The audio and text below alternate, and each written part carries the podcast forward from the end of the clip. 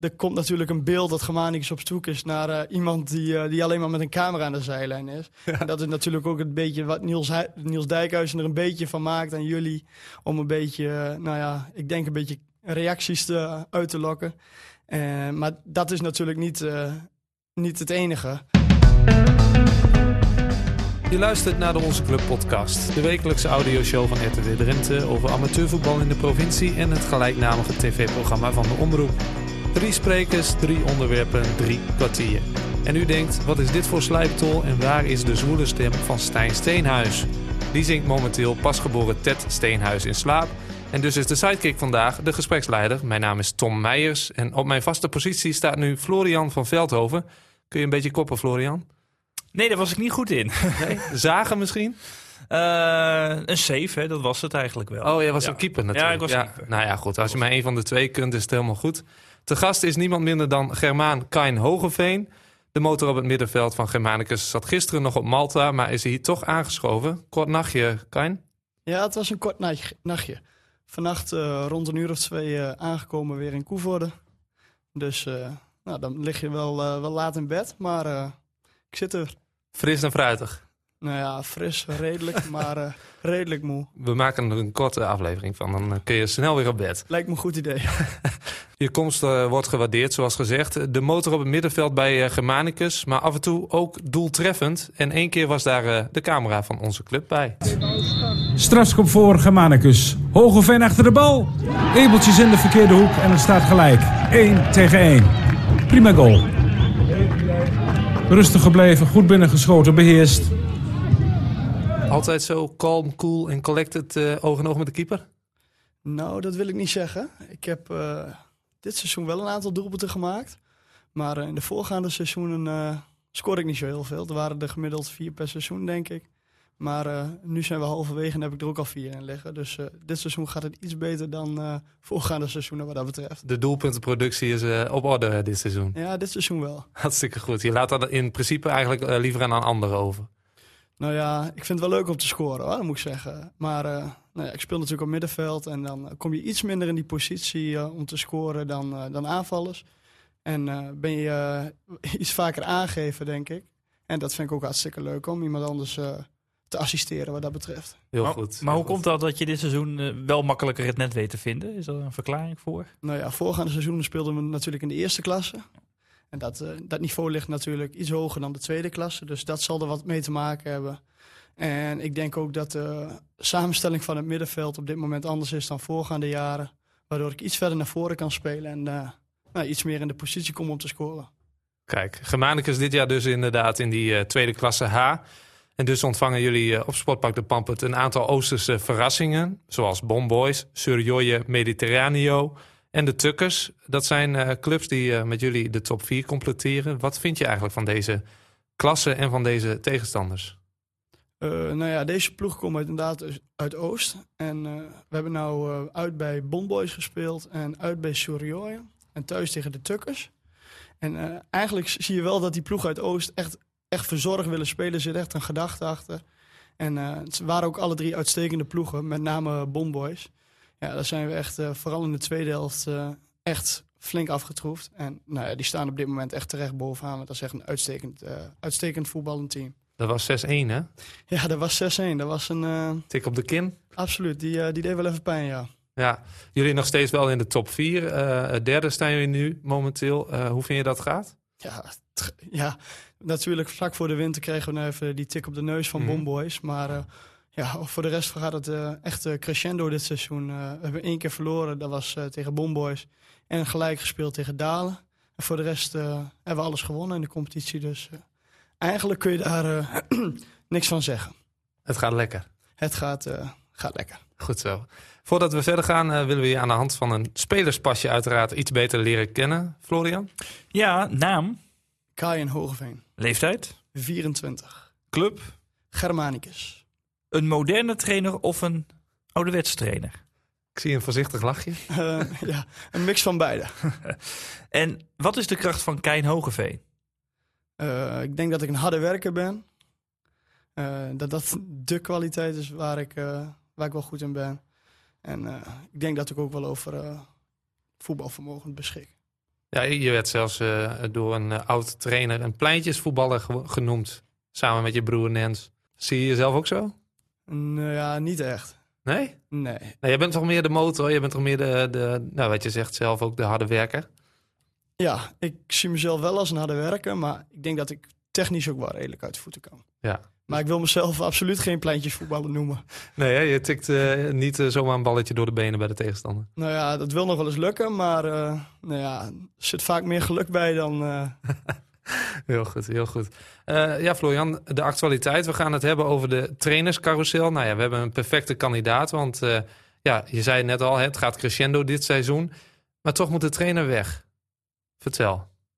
Ja, ja, dat is misschien wel een, beetje een verrassing voor sommigen natuurlijk. En dat, dat begrijp ik ook. Maar uh, nou ja, de club heeft een bepaalde visie en die, die is dit seizoen wat gewijzigd. En daarin ja, heeft de club besloten om ja, niet met Jan Willing te verlengen. Nee. Maar toch, de timing is wel opmerkelijk. Want op het moment dat het gebeurde, hadden jullie nog niet verloren. Stonden jullie volgens mij ook bovenaan. dan zegt iedereen toch tegen elkaar, wat is er gebeurd? Wat, hoe kan dit? Ja, ik, dat begrijp ik ook, dat, dat die verwarring ontstaat natuurlijk bij mensen. En nou ja, we zijn natuurlijk ongeslagen op dit moment. Maar ja, ik denk wel dat het belangrijk is dat er niet alleen naar de korte termijn gekeken wordt. En natuurlijk nou, zijn de resultaten op dit moment gewoon goed. Maar ook naar het, naar de, in het vervolg, zeg maar. En misschien de club denkt op dit moment dat op de lange termijn beter is om te kiezen voor een, voor een andere trainer. En de, nou ja, dat, ja, die keuze die die hebben we te, te accepteren. Ja, want eh, vanuit de selectie vind je ook dat ja, de club aan iets nieuws toe is. Want je hebt eigenlijk best wel veel klassieke trainers natuurlijk gehad. Hè? Je hebt dus Jan uh, momenteel uh, staat aan het roer. André Mulder, Erik Prins zat er ervoor. Denk je dan ook als selectie van wij staan achter het bestuur, wij willen ook graag iets, iets nieuws? Ja, ik begrijp wel natuurlijk heel goed wat, wat Jess zegt. En dat, uh, zo kijk ik er zelf ook wel naar. We hebben natuurlijk, ik heb jaren onder Erik Prins gewerkt. Daarna hebben we natuurlijk André Mulder gehad. drie jaar, waaronder wel twee coronajaren. Mm -hmm. En nu twee jaar Jan Wielink. En dat zijn eigenlijk wel redelijk dezelfde soort trainers. Ja. en we hebben wel een redelijk jonge ploeg ook. En ik denk wel dat nou, voor de ontwikkeling misschien wel goed is voor de ploeg... om een keer een ander type trainer te krijgen. En ik denk dat we daar met Erwin van Oosten, nou, dat was vorig jaar onze trainer, dat we daar, uh, ik denk dat de club daar een goede keuze in heeft gemaakt. Ja, ja dat uh, wordt een mooie, mooi seizoen, denk ik. Want Erwin die is wel, die stond natuurlijk op de radar bij meerdere clubs. Ik noem geen namen, valt de mond. Maar um, jullie hebben ook een nieuwe denk, trainer, hè? Ja, wij hebben ook een nieuwe trainer, ja. inderdaad. Komen we zo nog wel even op. maar ik denk inderdaad dat je met Erwin van Oosten wel een, een ja, goede trainer binnenhaalt. Natuurlijk jonge trainer, heeft wel uh, ervaring bij HHC opgedaan. Heeft natuurlijk voor de groep gestaan bij Klasine Veen. Wat, wat verwacht je ervan? Uh, ja, ik heb natuurlijk ook wat, wat, wat geïnformeerd bij, bij jongens die ik ken, die we onder hem gewerkt hebben. En ik heb zelf vroeger ook nog wel eens training van hem gehad in, die, in mijn periode bij FCM. Daar was hij volgens mij ook werkzaam, volgens mij bij de voetbalschool. Dat is wel jaren geleden. Maar ja, ik denk dat we met Erwin gewoon een, een moderne trainer krijgen. Die, die ook kan bijdragen in de ontwikkeling als speler. En nou, daarin ken ik Erwin ook persoonlijk als vrolijk leuk mens. Dus ik denk dat we daar een, een goede aan hebben. Ja, het is wel een gezellige kerel. Ja, nou, dat is ook heel belangrijk natuurlijk. Ja, dat is Jan Wielink uiteraard ook hoor. Wat, wat is het verschil eigenlijk tussen een moderne trainer en een klassieke trainer? Nou ja, ik heb de stukjes op RTW Drenthe natuurlijk ook gelezen. En er komt natuurlijk een beeld dat Germanicus op zoek is naar uh, iemand die, uh, die alleen maar met een camera aan de zijlijn is. Ja. En dat is natuurlijk ook een beetje wat Niels, Niels Dijkhuizen er een beetje van maakt aan jullie. Om een beetje, uh, nou ja, ik denk een beetje reacties te, uit te lokken. Maar dat is natuurlijk niet, niet het enige. ik denk dat een moderne trainer gewoon echt bezig is met ontwikkeling, tactisch bezig, nou, een klein beetje met videobeelden misschien, om de ontwikkeling bij te dragen. Maar, nou ja, de afgelopen jaren is, zijn trainingen vooral, deze trainers zijn vooral bezig met de ontwikkeling van groepsverband, denk ik. Mm -hmm. En ik denk dat de moderne trainer iets tactischer gericht is en daarin meer op persoonlijke ontwikkeling en teamontwikkeling. Maar uh, ik, ik heb ook een beetje zo'n ja, lijstje. Je hebt inderdaad de, de, de moderne trainers, misschien data, misschien meer eh, in plaats van een bespreking, een presentatie houden. En, en meer op de, wat je zegt, tactiek en ook individuele ontwikkeling. Kan ik het zo noemen? Ja, ik denk dat je daarin wel redelijk goed zit, ja. En is dat, heeft dat ook met, met leeftijd te maken? Want je hebt dan inderdaad jonge trainers, uh, Joram Hendricks van Staphorst. Uh, ik zat Kevin Walderbos, voorzitter van VVM, is ook zo'n jonge moderne trainer. Kenny is een moderne trainer. Kenny Koning. Ja. Uh, waar, waar, ben jij fan van? Ik denk dat het... Kijk, Kan, jij bent 24? Ik ben 24. Ja, jij bent 24 en um, ik ben 30. Ik denk dat er ook wel een verschil zit in leeftijd. Kijk, uh, um, ik denk dat de wat oudere jongens, de 30-plussers, zeg maar, heel erg goed gedijen uh, bij zowel um, uh, de wat oudere, klassiekere trainers, zeg maar, die dan meer op het teamgevoel zitten. Maar ik denk dat de jeugd tegenwoordig gewoon echt ook wat anders wil en wat anders vraagt van een trainer. En dat, um, en dat merk je gewoon. Uh, ik zie um, bijvoorbeeld met Kenny, bijvoorbeeld met zijn presentaties en dergelijke. Dat is perfect. Alleen, um, ja, ik schakel heel snel uit. Maar voor jonge jongens, omdat ik, ik denk van ja, je hoeft mij niet te vertellen hoe, hoe ik moet verdedigen. Je hoeft mij niet te vertellen of er als een corner komt waar ik moet gaan staan en hoe, uh, hoe ik die bal weg moet koppen. Dat weet ik wel. Dat hoef je mij niet te vertellen. En als dat dan middels een presentatie gebeurt, of een trainer zegt tegen mij van Tom, uh, doe gewoon je dingen, je weet wel wat je moet doen. Daar zit een verschil in. Dus ik denk dat daar um, uh, een verschil in, in zit. Ook uh, voor jonge jongens die zich nog moeten bewijzen. Die, wil, die graag willen verbeteren nog. Of iemand die al nou, een soort van gepokt en gemazeld is in het amateurvoetbal. En het uh, in zijn optiek wel weet, zeg maar. Ja, dat is vaak, dat zag je vroeger ook bij betaald voetbal. Dat Louis van Gaal bijvoorbeeld ook het beste kon werken met jonge spelers inderdaad. Omdat zijn aanpak, misschien van hè, gericht op, op persoon dat het bij een oudere speler minder goed werkt. Want dan denk je al vrij snel van, uh, ja, ik weet wel hoe het werkt. Ja, hoe, hoe kijk jij daarnaar, Kain? Denk je dat het zo is wat ik net vertel? Of denk je, wat verkoopt hij uh, Nee, ik denk dat je, daar, uh, dat je daar vrij goed zit. Ja. ja, ik denk ook dat het vooral uh, met tactische ideeën te maken heeft. Uh, nou ja, de huidige visie van de ouderwetse trainer, tussen aanhalingstekens, is vaak een beetje vanuit uh, het eigen team gericht, zeg maar. Van, ja. Als wij zelf aan de bal, uh, de bal naar de goede kleur spelen, dan, ja, dan moet je een wedstrijd gewoon kunnen winnen. En ik denk dat de moderne trainer daarin ook uh, nou ja, opstellingen en formaties van tegenstanders bijhaalt uh, in systemen. En daarin die tegenover je eigen team legt en daarin kijkt waar, waar, de, ja, waar de kansen liggen, zeg maar. Ja, maar als een trainer tegen jou zegt, je speelt tegen Valtemont... En je hebt al jaren tegen Valtemont gespeeld. En je weet wie Alwin Braakman is. En je weet dat hij goed is aan de bal. En je weet dat hij, als hij een paas geeft, dat hij hem net even afkapt. Als hij dan een hele presentatie geeft over uh, hoe Alwin uh, Braakman in elkaar steekt. Denk je dan niet bij jezelf van, uh, ja, dat las ik zelf al af? Nee, nee, dat denk ik niet. Nee? Nee, maar dat doet Jan Wieling ook zeker. Hoor. Jan Wieling kent tegenstanders echt als de beste. En die analyseert hij ook zeker. Mm -hmm. En hij kent ook sterke spelers en uh, weet ook waar, de, uh, waar die spelen bij de tegenstander. Maar uh, ja, ik denk dat de moderne trainer daar nog weer het een en ander aan kan toevoegen. Ik denk wel met zo'n moderne trainer dat die, je moet altijd de groep kunnen veroveren. En ik denk dat zo'n ouderwetse trainer, André Mulder, Jan Wielink, heel erg op dat groepsproces en ja. dan makkelijker een sfeer van maakt van we doen het met z'n allen. Uh, ja, dat, dat zie je met Albert Koops bij uh, WK. Heb je ja. dat gezien vorig seizoen? Ja, dat is de, uh, inderdaad met Nico, goede trainer. maar die, ja, op de een of andere manier was dat geen match hè, tussen WK 16 mm -hmm. en Nico. Dan komt Albert en, en, en, dat is dan toch anders. En, en, misschien is het toch ook wel, ik vind altijd, Johan Cruijff zei ooit, voetbal is heel simpel. Het moeilijkste is, wat er is, is simpel voetballen. Misschien maken de jonge trainers het ook wel eens te moeilijk. Nou, dat weet ik niet. Nee? Nee, ik denk... Uh, ik ben persoonlijk... Ik ben ook zelf voetbaltrainer uh, in de jeugd van FCM.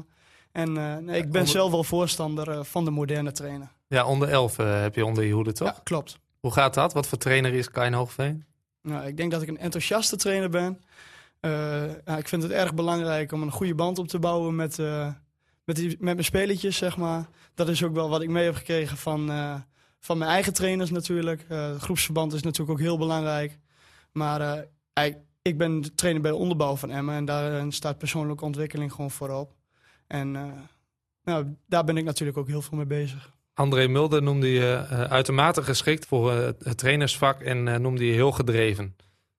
Oh, dat, is, dat is een mooi compliment. Hoe kijk jij naar trainers en wat haal je er voor jezelf uit en wat neem je mee zeg maar, richting je eigen team?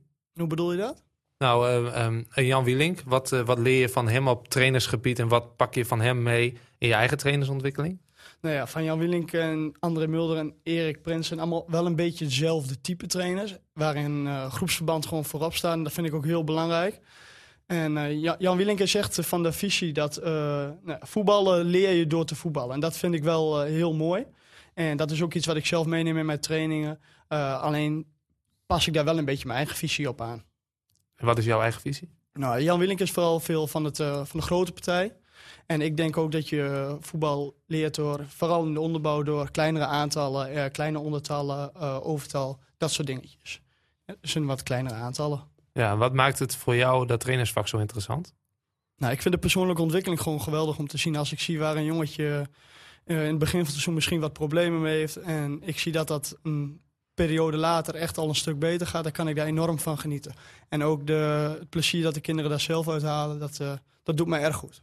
Ja, want um, je had het net al, Florian, over het gevoel. Ja. Uh, jij wil het hebben over clubgevoel. Uh, hoe is dat bij Germanicus? Nou ja, ik ben uh, een jongen van de club. Ik heb eigenlijk eh, sinds uh, kinds af aan bij Germanicus gevoetbald. Met een tijdelijk uitstapje in de jeugd van, van FCM. Maar ja, Germanicus vind, is voor mij gewoon echt een geweldige club. het is ons kent ons, familieclub, vrienden. En na de wedstrijd is het ook gewoon altijd gezellig.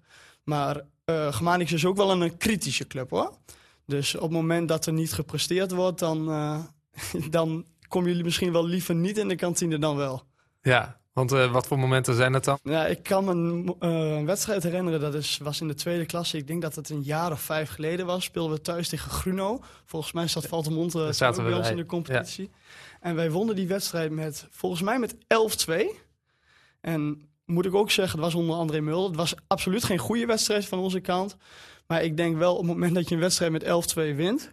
dat je ook wel het een en ander goed hebt gedaan. En op het moment dat wij de kantine binnenkwamen... waren er de nodige supporters die, uh, die niet tevreden waren met, uh, met de twee tegentreffers.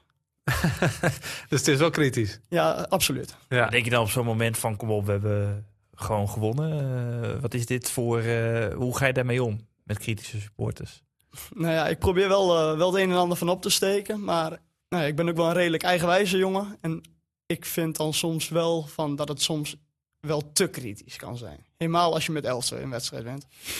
Ja, dat is op zich ook wel logisch. Hè? Als je drie punten in de tas hebt en je maakt er elf, dan... Uh, ja, er mag ruimte zijn voor kritiek, maar dan is het ook wel een beetje overdreven, toch? Absoluut. Ja.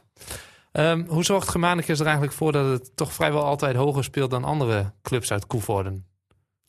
Ja, dat is een goede vraag. Uh, ik denk dat uh, jaren geleden Germanix ook best wel een prima jeugdopleiding had. En daar zijn een jaar of acht geleden echt flink aantal jongens van doorgeschoven. En daarvoor haalde Germanix natuurlijk spelers van buitenaf. Dus vandaar dat ze vroeger altijd wat hoger hebben gespeeld.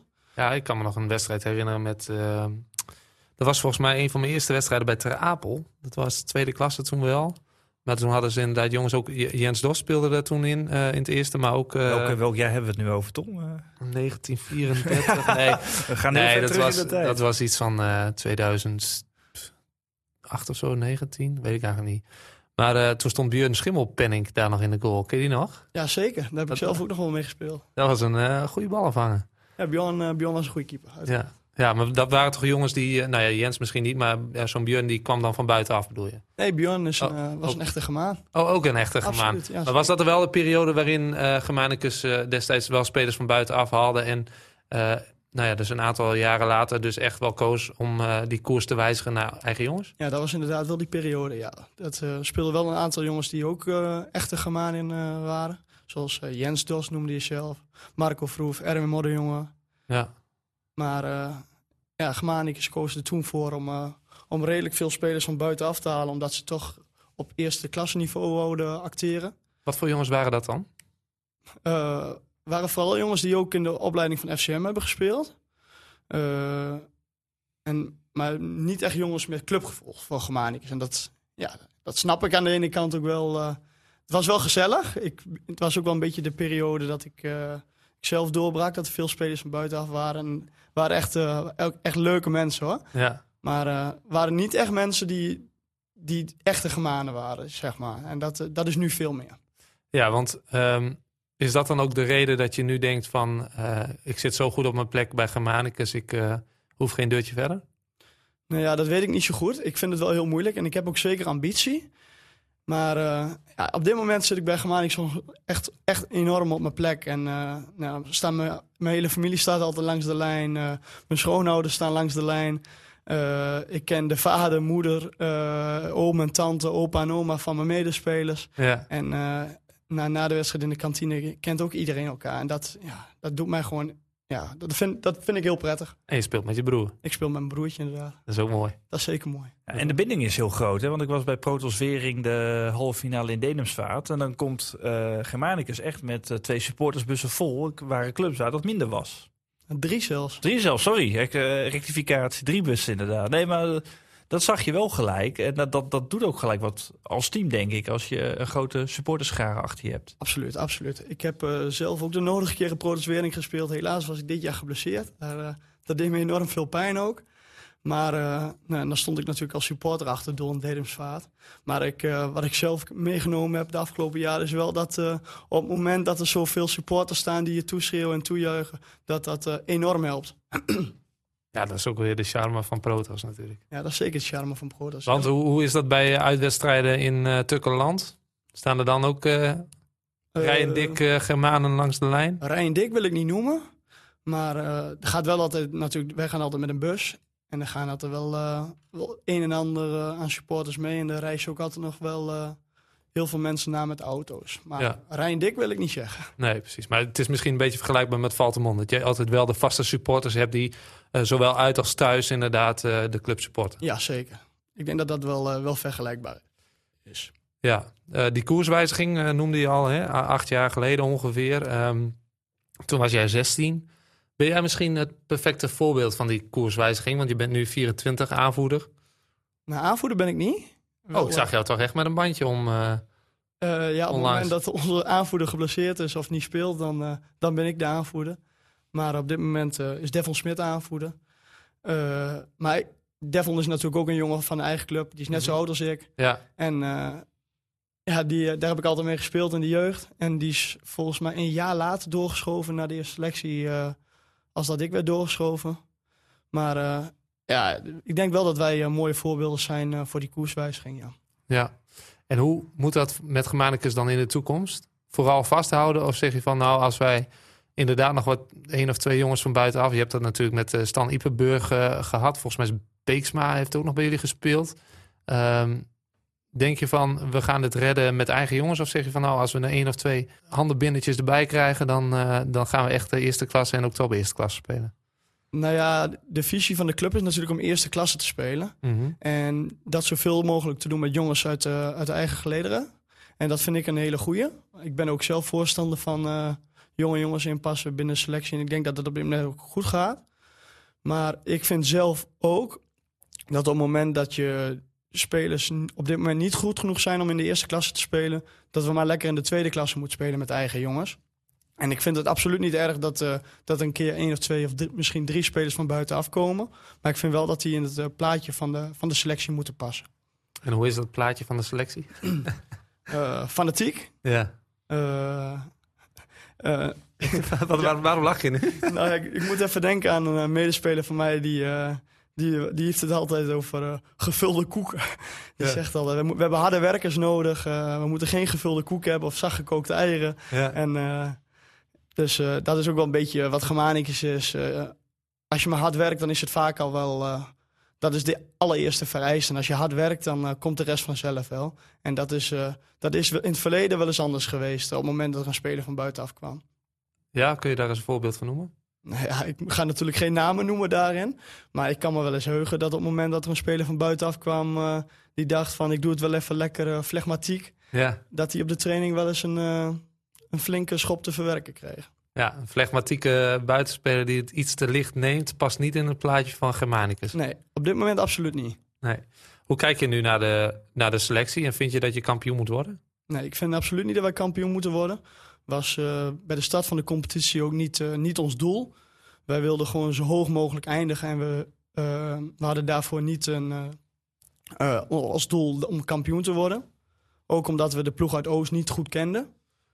Eh, maar eh, op dit moment denk ik wel dat wij gewoon mee, lang mee kunnen doen om het kampioenschap. Maar op dit moment schat ik Bomboys wel in als echte titelfavoriet. Ook omdat ze, zij echt nog wel uh, voetbal wat verder zijn dan wij op dit moment zijn. Florian, jij kent de selectie van uh, Germanicus. Hoe schat jij hun kansen in in deze tweede klasse H? Uh, nou, ik denk wel dat het uh, klopt dat de analyse is dat waarschijnlijk kampioen worden lastig is. want Bomboys ook wel qua punten staan voorop. En ik denk qua selectie dat, dat, dat het wel lastiger wordt. Denk, wanneer is voor jullie ja, het seizoen geslaagd? Nou ja, ik denk dat als we tweede eindigen, dat, wij, uh, dat we het uitstekend gedaan hebben. En uh, nou ja, Bomboys zal waarschijnlijk de kampioen worden, omdat ik denk dat zij niet nog uh, heel veel punten gaan verliezen. En ik denk ook dat het voor ons heel moeilijk wordt om de rest van, de, van het seizoen ongeslagen te blijven. Dus, en ze staan al een aantal punten op ons voor, dus dat zal heel moeilijk gaan worden. Maar we hebben ook tegen de Tukkers en tegen Sorioje gespeeld. En dat zijn de ploegen waar we nou mee strijden om de tweede plaats. En ik vind uh, dat wij wel verder zijn dan die twee ploegen. Dus ik denk wel dat wij tweede kunnen worden. Nou ja, en je hebt natuurlijk een heerlijk trainingskamp in Malta achter de rug. Dus dat uh, moet helemaal goed komen. Ja, het trainingskamp in Malta zal daar zeker aan toe bijgedragen hebben, denk ik. Wat hebben jullie daar allemaal uitgespookt? Veel getraind? Nou, we zijn een aantal dagen in Malta geweest en daar hebben we twee keer getraind. En voor de rest stond het vooral in het teken van, van gezelligheid en groepsproces. En hebben we daar enorm naar, naar ons in gehad. Heel goed, want ik wilde het even hebben over trainingskampen. Ik ben zaterdag zelf teruggekomen uit Turkije, uit Siede. Nou, jij dus van Malta, Kain. Um, krijg je ook wel eens in, de buiten, in het buitenland dan de vraag van... speel je dan zo hoog dat jullie hier op trainingskamp komen? Of hoe zit dat? Ja, die vraag die kregen we wel eens. Er waren ook wat Nederlandse mensen meegereisd. Ja. En die kwamen op Malta ook tegen. En die vroegen al, welk niveau spelen jullie dan? Ja. Nou, het niveau dat wij spelen is niet bijster hoog. Nee. trainingskamp staat ook absoluut... Uh, staat uh, training niet uh, op voorop. En het is vooral gewoon veel gezelligheid. Maar, is het eigenlijk een soort vriendenweekend? Nou, dat wil ik niet zeggen. Want er wordt echt wel arbeid verricht. Maar ja, ik vind het altijd een beetje jammer als, je het, als iemand dan aan je vraagt van... Ja, oh, zo, jullie zijn op trainingskamp. Welk niveau speel je dan? En dan ja, dan moet je eigenlijk moet je het een beetje downplayen. Van ja, ja nou, het is niet zo'n heel hoog niveau. Maar ik vind het eigenlijk wel jammer. Eigenlijk moet je gewoon zeggen, ja, tweede divisie. Uh. Ja, het zegt wel wat dat je als club wel wat over hebt om uh, voor een ja, hervatting van de competitie naar, naar Malta of Turkije gaat, toch? Ja, ik vind het fantastisch dat het überhaupt mogelijk is. Um, hoe zit dat bij jullie? Leggen jullie zelf ook geld in, uh, Kain? Ja, wij leggen zelf een, een, bedrag in waarom, waardoor we hier naartoe kunnen. Ja, ja, wij doen 300 euro per persoon. Ja, ik zie jou knikken. Volgens mij is dat bij andere clubs inderdaad, amateurclubs ook zo. maar het is natuurlijk fantastisch dat je überhaupt als amateurvoetballer de mogelijkheid krijgt om een trainingskamp af te werken in het buitenland. Ik bedoel, wij zijn daar in Turkije dus geweest. Um, ja, en dat, dat is fantastisch. Ik wil het namelijk even hebben over trainingskamp tovenarij. En daar heb jij al een beetje iets over weggegeven, Kain. Want naar Protos of soms tijdens Protos gaan uh, veel clubs uit de provincie de grens over om de teamgeist een beetje op te krikken. De een dus op Malta, de ander in Side. Ik zag veel clubs in, uh, in Marbella. Ik zag een aantal Drentse clubs in Albufeira voorbij komen. Noem het maar op. Maar wat maakt zo'n trainingskamp nou een succes? Oftewel, wat is de magie van een trainingskamp? Um, nou ja, ik, ik, ik, kan er wel iets over vertellen, denk ik. Want we zijn regelmatig uh, op trainingskamp geweest, zowel in Spanje als in Turkije.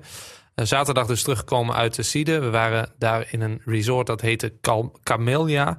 Ja, en ik weet niet hoe de accommodatie bij jullie was, uh, maar bij ons. Fantastische kamers, supermooie entourage aan het strand. Twee voetbalvelden erbij. Je liep op slippers van je kamer naar het voetbalveld. En de voetbalvelden, ja, dat is echt gras, maar dat lijkt kunstgras. Dat is echt porno. Dus ik, hoe was dat bij jullie? Uh, wij trainen dan bij het stadion van Hibernians. Dat is een, oh ja. een profclub uh, uit Malta, spelen op het hoogste niveau. Mm -hmm. En daar speelden wij op het, op het trainingsveld, trainen wij.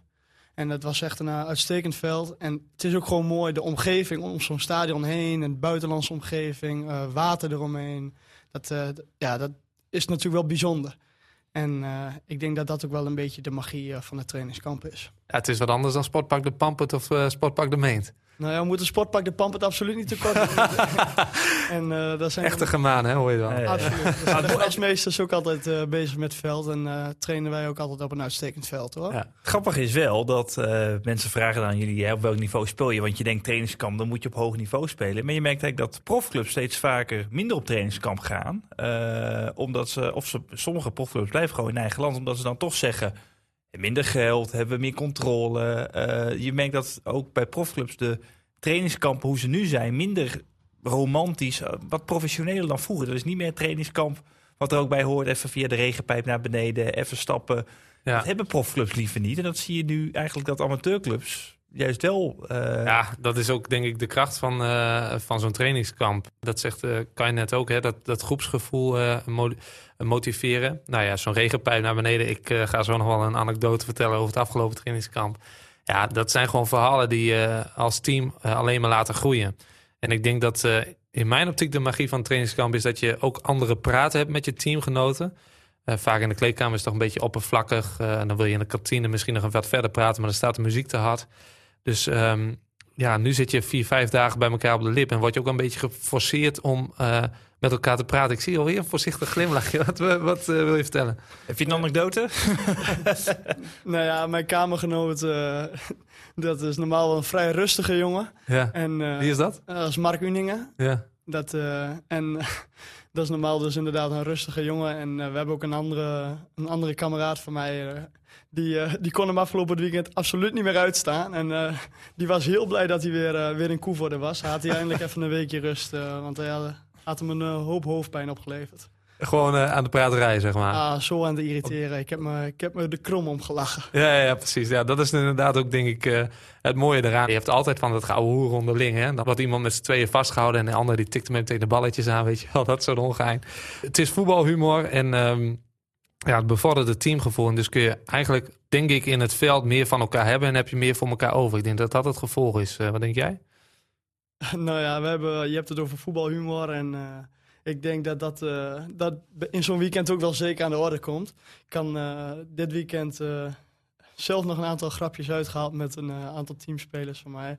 Bijvoorbeeld we hadden we een zakje met jeukpoeder meegenomen. Ah, heerlijk. En die hadden we op het matras van een van onze teamgenoten uitgestrooid. En kreeg ik s'nachts filmpjes van zijn kamergenoot dat hij, dat hij niet kon slapen en aan het krabben was op zijn been. Dus dat was, was erg komisch. ja, dat zijn wel de, de humor dingetjes die je dan hebt. We zaten op een gegeven moment aan het, mm, volgens mij was het de lunch. En um, die jongens die zijn voor de tweede ronde aan het halen. En Dion zegt, Tom, Dion van der Laan, Tom, we nog even een grapje aan. Ja hoor, ja, ik ben altijd wel een van een grapje. Dus uh, nou ja, het glasje de Rans van Alwin Braakman en uh, Mark van den Berg was niet meer te drinken. zag de kop vertrekken, zeg maar. Dus dat, ja, dat zijn wel mooie dingen aan zo'n trainingskamp. Dus humor noem je al. Maar er wordt ook wel hard gewerkt tijdens een trainingsweek. vaak twee keer per dag ook getraind. dus je verricht ook wel echt conditionele arbeid. Al kwamen wij er dit jaar bekijkt vanaf. Want trainer Kenny Koning die moest vlak voor vertrek afhaken vanwege een privé-situatie thuis. Dus wij gingen op trainingskamp zonder trainer. Ondanks dat de assistent het goed oppakte, hebben we wel minder gedaan dan normaal.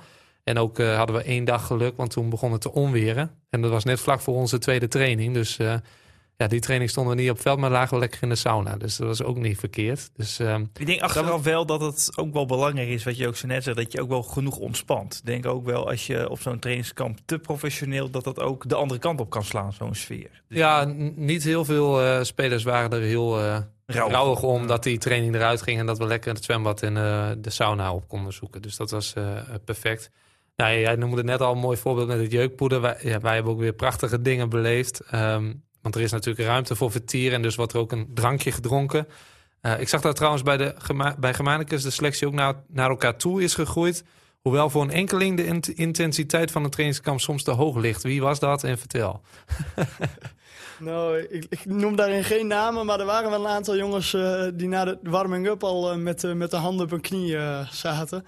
En waardoor de avond ervoor misschien iets te lang heeft geduurd. Of, die waren gesneuveld tijdens de kroegentocht. Ja, maar ze waren er wel weer om negen uur s morgens, dus dat valt, valt ook te prijzen. Ja, jij was er niet, want jij drinkt geen alcohol.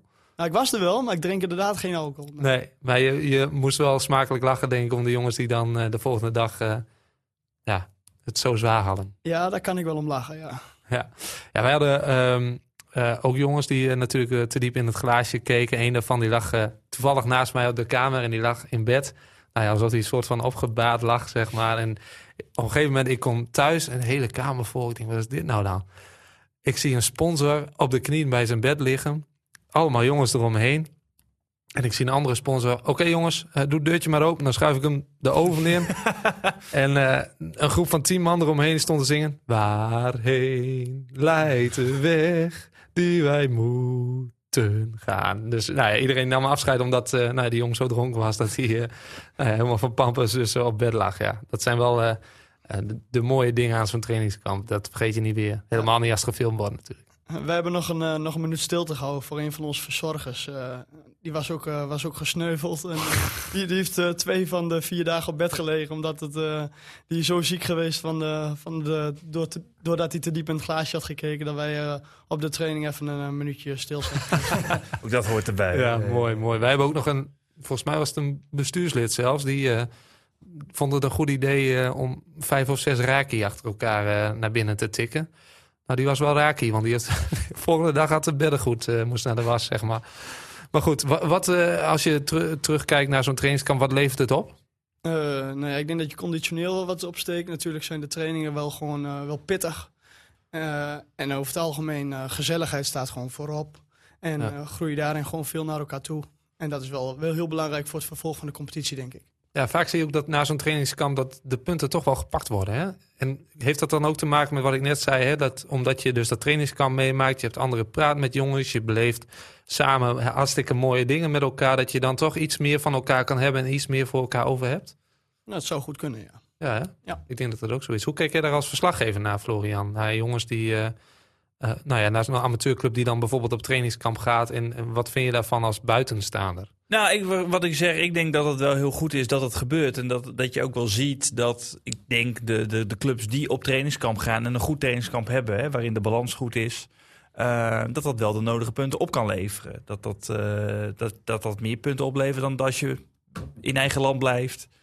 Ehm, da- dan zou de sfeer nou ja, niet kunnen verslechteren, maar een trainingskamp verbetert wel de sfeer. Jullie weten daar natuurlijk meer van af. Ik denk dat dat wel klopt. Ja, ik denk het ook. Ehm, jullie spelen aankomend weekend tegen Steenwijkerwold. Dus we gaan het sowieso eh, eh, zien of het eh, effect heeft. Ehm, Florian, je hebt een programmaboekje mee. Ik heb zeker een programmaboekje. Ehm, we beginnen in de eerste klasse J zaterdag. Eh DZOH tegen WVV. WVV uit Winschoten staat de tweede met 20 punten. En DZOH derde met 19 punten. Koploper is trouwens Oranje Nassau uit Groningen. Is dus een spannend potje voor eh, de Emmenaren. Eh, ja, ben benieuwd. wat, eh, is- wat denk jij, eh Kijn? Eh, nou ja, deze twee ken ik wel eh, veel jongens persoonlijk van. Ze zijn vooral, eh, vooral tactisch en technisch echt een uitstekende ploeg. Eh, WVV een aantal keer tegengespeeld en dat is wel eh, fysiek echt een hele goede ploeg. Er zitten een aantal echt enorme klerenkasten tussen. Dat. Centraal achterin staat er één volgens mij. En je hebt ook eh, een buitenspeler die volgens mij redelijk eh, op, goed op de poten staat, zeg maar. Ja, en eh, ja, dat is gewoon eh, echt een prima ploeg. En ik denk dat dat wel een, eh, echt een hele interessante wedstrijd gaat worden, ja. Ook een interessante wedstrijd is eh, in de derde klasse C zondag. Hodo tegen Raptim. Is ook een eh, lekkere wedstrijd. Hè? De twee ploegen die ook eh, nou, ja, kort op elkaar staan. Raptim Ja. eerste, 23 punten eh, uit de negen wedstrijden. Hodo derde, eh, 19 punten en een wedstrijd meer gespeeld. Dus Hodo eh, moet eigenlijk winnen, wil het nog een beetje spannend worden bovenin. Ja, dan kijk ik naar natuurlijk de koevoordenaar hier eh, in deze ruimte. Hoop je dan dat Raptim zo'n eh, potje verliest? Of is de haat en nijd tussen Koevoorde clubs niet zo heel groot? Nee, ik denk dat dat wel een beetje achterhaald is. Al denk ik dat bij sommige mensen eh, dat ook nog wel zeer zeker aanwezig is. Maar moet ik zeggen dat ik dat, eh, dat, ik dat niet heb. Nee? Ik kan, me er niet, eh, niet een, kan er niet van wakker liggen als Raptor mijn wedstrijd verliest. Eh, nee, dat, eh, dat, dat maakt voor mij niks uit. Nee, dus in principe als jullie, ehm, aangezien jullie natuurlijk ook hoger spelen, is dat dan misschien ook makkelijker? Want als jullie in dezelfde competitie hadden gezeten, was het dan anders geweest? Dan denk ik wel dat het een beetje anders was geweest. Want natuurlijk wil je wel gewoon de best presterende koe voor de club zijn. Dus dan zou het misschien wel iets anders zijn geweest. Maar op dit moment kan ik er... maakt het mij niet uit of Raptum eh, wint of verliest. En eh, gun ik ze ook beste drie punten hoor. Dat, eh, dat maakt voor mij niks uit. Nou, ik denk dat eh Bert Dolders hem daar heel blij mee is. En als laatste, vierde klasse C zondag. Twee ploegen die we niet zo vaak eh, zien. Eh Eekst tegen Bareveld. En Bareveld vind ik toch altijd een leuk clubje. Ik ben er wel eens geweest. Het Ja? is ook zo'n beetje een raar clubje dat... Het wegrestaurant of de, de, het buurtcafé zit in Drenthe en de voetbalclub in Groningen. Dat is echt een beetje zo'n grens. Ja, Wist je dat? Gren- grensgevalletje. Ja. Blijft leuk. Is trouwens wel eh, qua stand minder interessant. Eekst vijfde en Bareveld zevende. Dus dat is een beetje zo'n eh, vlees nog vispositie. hè? Ja, ja. Jullie dus eh, zondag tegen Steenwijkerwold. Dat wordt een makkie, denk ik, hè? Want jij zei, er is een tweedeling in deze competitie. En jullie zitten bij de betere clubs. En Steenwijkerwold is de wat mindere club. Nou ja, dat heb ik niet gezegd. Maar ik ken Steenwijkerwold namelijk niet. Ik heb Oh. er nog niet tegen gespeeld. Maar eh, ik denk dat wij eh, gezien de stand en eh, wel favoriet zijn voor deze wedstrijd. Ja, Maar ja, we zullen het gaan zien. Ik ken, ken Steenwijkerwold niet. maar ik vind wel dat ze bijzondere uitslagen halen tegen een aantal ploegen waarvan je verwacht... Hey, nou zal het, zullen ze hem niet gaan winnen, winnen ze wel. ja, En ze hebben ook wedstrijden gehad waarvan je denkt van, dat, eh, dat het andersom is. ja. Je houdt het eh, politiek correct. Heel goed. Ja, Voordat, voor- jij, voordat jij doorgaat, Ja. jij, jij probeert eraan te ontkomen, maar eh Valtemont heeft een nieuwe trainer. Oh, ik probeer er niet aan te ontkomen, nee, want ik ben, nee. er heel, ik ben er heel blij mee. Wij krijgen inderdaad eh, Gerard Zeeman, eh, is onze nieuwe, nieuwe trainer. Is de huidige trainer van eh, GRC. Heeft ook een verleden bij eh, Stadskanaal en ehm eh, Appingedam. Dus eh, nee, eh, eigenlijk hadden wij eh, in eerste instantie Erwin van Ooster op het oog. Maar ja, die werd door een niet nader te noemen club voor ons neus weggekaapt. Maar Gerard Zeeman ja, stond ook hoog op onze lijst. Dus wij zijn heel blij dat wij uiteindelijk ehm, ja, Gerard voor de groep krijgen. Is het een moderne of een ouderwetse trainer? Ik denk dat wij, kijk, wij hebben nu Kenny gehad en we hebben Al- Albert Koops gehad. En ik denk dat Ger- Gerard daar precies tussenin is. Dus beste daar- van eh, twee werelden. ja, en ik denk dat echt dat het eh, een succes kan worden. Want eh, hoe ik hem inschat, want ik zit in de spelersraad, dus ik heb ook die gesprekken met, met, met Gerard gevoerd. Ja, daar kreeg ik wel energie van. Dus ik, ik heb wel vooral veel zin om daarmee aan de slag te gaan. Ja, duidelijk. ja. Ja ik ben heel duidelijk. Ja, ja, ja. Eh, voordat we afsluiten, kan je nog een aantal vragen uit de Onze Club podcast app voor je. Jermaine, Jermaine Beck wil graag weten of jullie eh, gaan promoveren. Nou ja, daar heb je al misschien een beetje antwoord op gegeven, maar ja. Nou, de- vanuitgaande dat eh Bomboys niet heel veel punten meer eh, gaat verliezen, denk ik niet dat wij direct gaan promoveren. Eh, dan hoop ik dat wij de na-competitie halen en dan eh, zal het ook heel lastig gaan worden. Maar natuurlijk hoop ik dat we vanuit daar gaan promoveren. Maar eh, het zal heel lastig gaan worden. Mooi. Eh, Mike Wils vraagt zich af, Protos finale winnen of op het veld kampioen worden? Ah, dat is een leuke vraag van Mike. Eh, hele goeie. Eh, ik heb ook de podcast van Protos Wering geluisterd en Ronald Gerdes zei Protos Wering winnen. Ik denk dat ik ga voor kampioenschap op het veld. Ja, ben je dan toch meer veldliefhebber dan zaal? Of? Nee, ik ben een enorme zaalliefhebber. Eh, ik speel zelf ook in de zaal eh, bij DKB. Oh, met die jongens, eh, ook volgens mij Roelof zit daar toch ook bij? Roelof zit erbij. Ja. Mike Doldersen van Edem. Ja, Jim Veldmaat van Beste? heeft wel eens met ons gespeeld, Ja. maar zit er niet vast bij. En nou, mijn broertje natuurlijk van Gemanik is Jay van der Wetering en Devon Smit. ja. En onze keepertrainer is Peter Modderjongen bij Gemanik. En dat is onze keeper in de zaal bij Ah, ja. DKB. ja, dat is ook wel een leuk niveau, toch? Dat is, eh, dat is absoluut een leuk niveau. Dat is topklasse. Derde niveau van Nederland. Staan we er op, op dit moment ook uitstekend voor. Het is wel een beetje hetzelfde als in, bij ons op het veld. Want eh, de koploper is, eh, springt er misschien nog wel een beetje bovenuit. Dat is Bordeaux Boys. Die komen uit Ede. Ah, ja. Die hebben ook de ambitie om te promoveren naar de Eredivisie. Dus die zullen wel kampioen gaan worden. Maar wij als nummer twee zullen dan ook gaan promoveren. En daar staan we op dit moment dus. Het kan niet op voor Kain Hogeveen dit seizoen, zo blijkt. Nou ja, we staan twee keer tweede. Oh nee, derde op het veld eh, met een wedstrijd Ja. achter natuurlijk. Maar eh, Ah, kan minder, toch? Laten we, het, Het- laten we heel kan eerlijk minder. zijn. dat kan natuurlijk ook nog, eh, nog een stuk beter. Dat is waar, dat is waar. Eh, Michael Mol wil nog graag even weten of jij ooit nog een stap hogerop wil gaan maken. Nou, al die vrienden van mij met die vragen. Het is heel gezellig in onze clubpodcast app, hoor. Dus je kan, eh, je kan erin als je, Je kan erbij hoor. Nou, dat lijkt me een goed idee. Ja. Maar Michael had me ook best privé mogen appen hoor. Dat- nee, maar eh, ja, dat is een goede vraag. Ik heb wel, eh, wel ambitie om een keer een stap te maken. Alleen vind ik wel, eh, ja, het moment moet er zijn. En op dit moment eh, is dat moment nog niet voor mij perfect geweest. Maar wie weet dat ik in de toekomst nog een keer een stap ga maken. Dan, dan verlies je wel dat Germanicus gevoel. Ja, dat is ook het, het dingetje wat me wel in de weg zit. Ja. Ehm, en ik wil het eigenlijk echt tot slot nog even hebben over iemand aan wie je misschien ja, je excuses moet maken. Ehm, gaat er al een belletje rinkelen? Nee, nog niet. Reinier de Boer? Reinier, ja. Want wat heb jij met de profielfoto van André Mulder gedaan en wat is daarmee... eh, en Nou, waar- wat heeft Reinier daardoor moeten doen? Ja, dit is een hele mooie. Eh, ik had het er even met teamgenoten van mij al over dat ik hier zou zitten vandaag. En toen zeiden ze al van, nou, moet je misschien nog wat anekdotes gaan vertellen. En toen kwam deze wel als eerste naar boven. Reinier speelde bij Dalen en was een vriend van mij. Is een vriend van mij. En hij zou bij ons op gesprek komen. En eh, toen hebben wij, eh Devon Smit, onze aanvoerder en ik... eh, via een telefoon van iemand anders de profielfoto van André Mulder gebruikt. Ja, niet he- geheel netjes achteraf.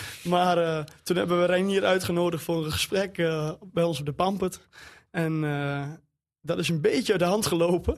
En eh, daar heeft het bestuur zich, eh, die zijn erachter gekomen. En vlak voordat het moment dat Reinier naar de Pampert toe wou, eh, en waar wij hem op stonden te wachten om hem uit te lachen, is, is het bestuur erachter gekomen. En dat is een beetje uit de hand gelopen. hebben we wel een beetje gezeur mee gehad. En eh, moet ik misschien meer excuses aanbieden aan André Mulder dan aan Reinier de Boer. Achteraf, André die zei ook wel, ik heb er wel wat gezeur mee gehad, maar ik kan er wel om lachen, want het is wel voetbal, voetbalhumor. Ja, ik heb het er met André ook wel, eh, wel goed over gehad en eh, excuses gemaakt. maar ik hoorde via via al dat André vroeger geen aanbeter was. maar nee, het was, een- was een leuk, leuk geintje dat het een beetje uit de hand is gelopen. Yes. Ja, tot zover onze club podcast. Uh, Kain, wat vond je ervan? Ja, leuk. Mooi dat je er was. Ja, ik vond het ook zeker eh, leuk.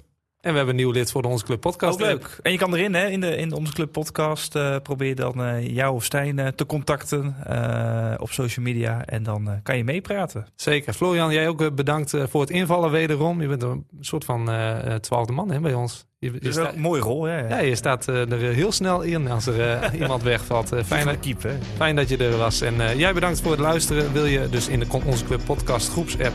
Dat kan. Tik ons even aan op social media. Heb je gespreksonderwerp of een tip? Dan eh, horen wij dat uiteraard ook graag. En voor nu, tot op een Drins Sportpark. Op naar meer. Op, de, op naar de Pampert.